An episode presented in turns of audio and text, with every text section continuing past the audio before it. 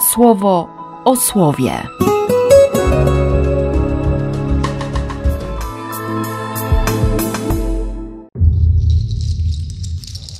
Dwudziesty siódmy czerwca, poniedziałek.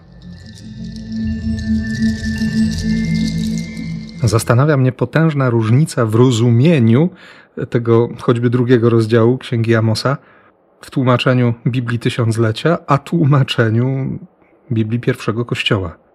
Z powodu trzech występków Izraela i z powodu czterech nie odwrócę tego wyroku. A tłumaczenie z Septuaginty brzmi: Za trzy, a nawet za cztery grzechy bezbożności Izraela nie odstąpię od niego. Zawsze obecność Boga jest obecnością wyzwalającą, prowadzącą do uwolnienia, do bliskości z Nim, do odkrycia prawdy, do uwolnienia, do, do szczęścia. Choć czasami wydaje się być krzyżem. Ten utkwiony we mnie wzrok Boga może być oskarżający, ale, ale tylko po to, żeby, żeby pokazać, że zło jest złe. Nawet jeśli go wyrzucam moim życiem, moją bezbożnością, moim grzechem, to on nie chce się wyprowadzić z mojego życia.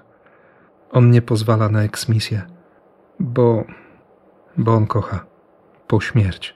Konkretnie poza krzyż nawet kocha. Dlatego Jezus również dziś w Ewangelii, tym razem w redakcji Mateusza, wczoraj słyszeliśmy Łukasza, mówi tak mocno: Przemyślałeś to? Przemyślałeś swoją decyzję? Chcesz być wierny? Ale nawet jeśli ty nie będziesz wierny, jeśli zobaczysz, że, że ludzie potrafią zagrzebać się w swoich grzechach, albo pójść tak wysoko, mieć takie ambicje, że stają się kompletnie odrealnieni, to, to jeśli ty pójdziesz w którymś z tych kierunków, ja i tak będę z tobą. Ja się nie zatrzymam. Ja nie zostawię.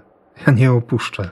Ja nie przestanę kochać. Nie, nie wiem, jak to jest u ciebie, ale, ale dla mnie każda strona Biblii ostatnimi tygodniami to już w ogóle po prostu mówi o miłości, nie? Wszędzie widzę zapewnienie miłości. Może dlatego, że, że tego potrzebuję, że to jest taki czas.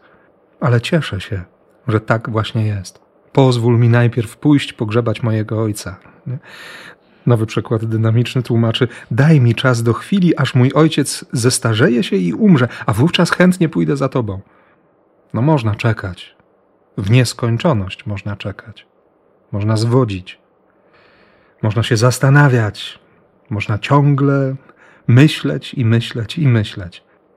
A Jezus powie po prostu: Ruszaj za mną, aby dobra wiadomość o Bożym Królestwie została ogłoszona wszystkim.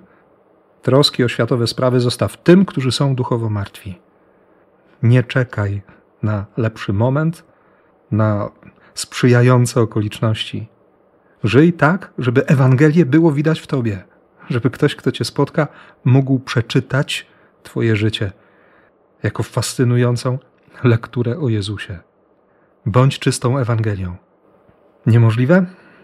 Nie ma dla niego rzeczy niemożliwych, bo on kocha i tego niemożliwego dzięki Jego miłości. Życzę Ci na każdy dzień. I błogosławię jak tylko potrafię, w imię Ojca i Syna i Ducha Świętego. Amen. Słowo o słowie.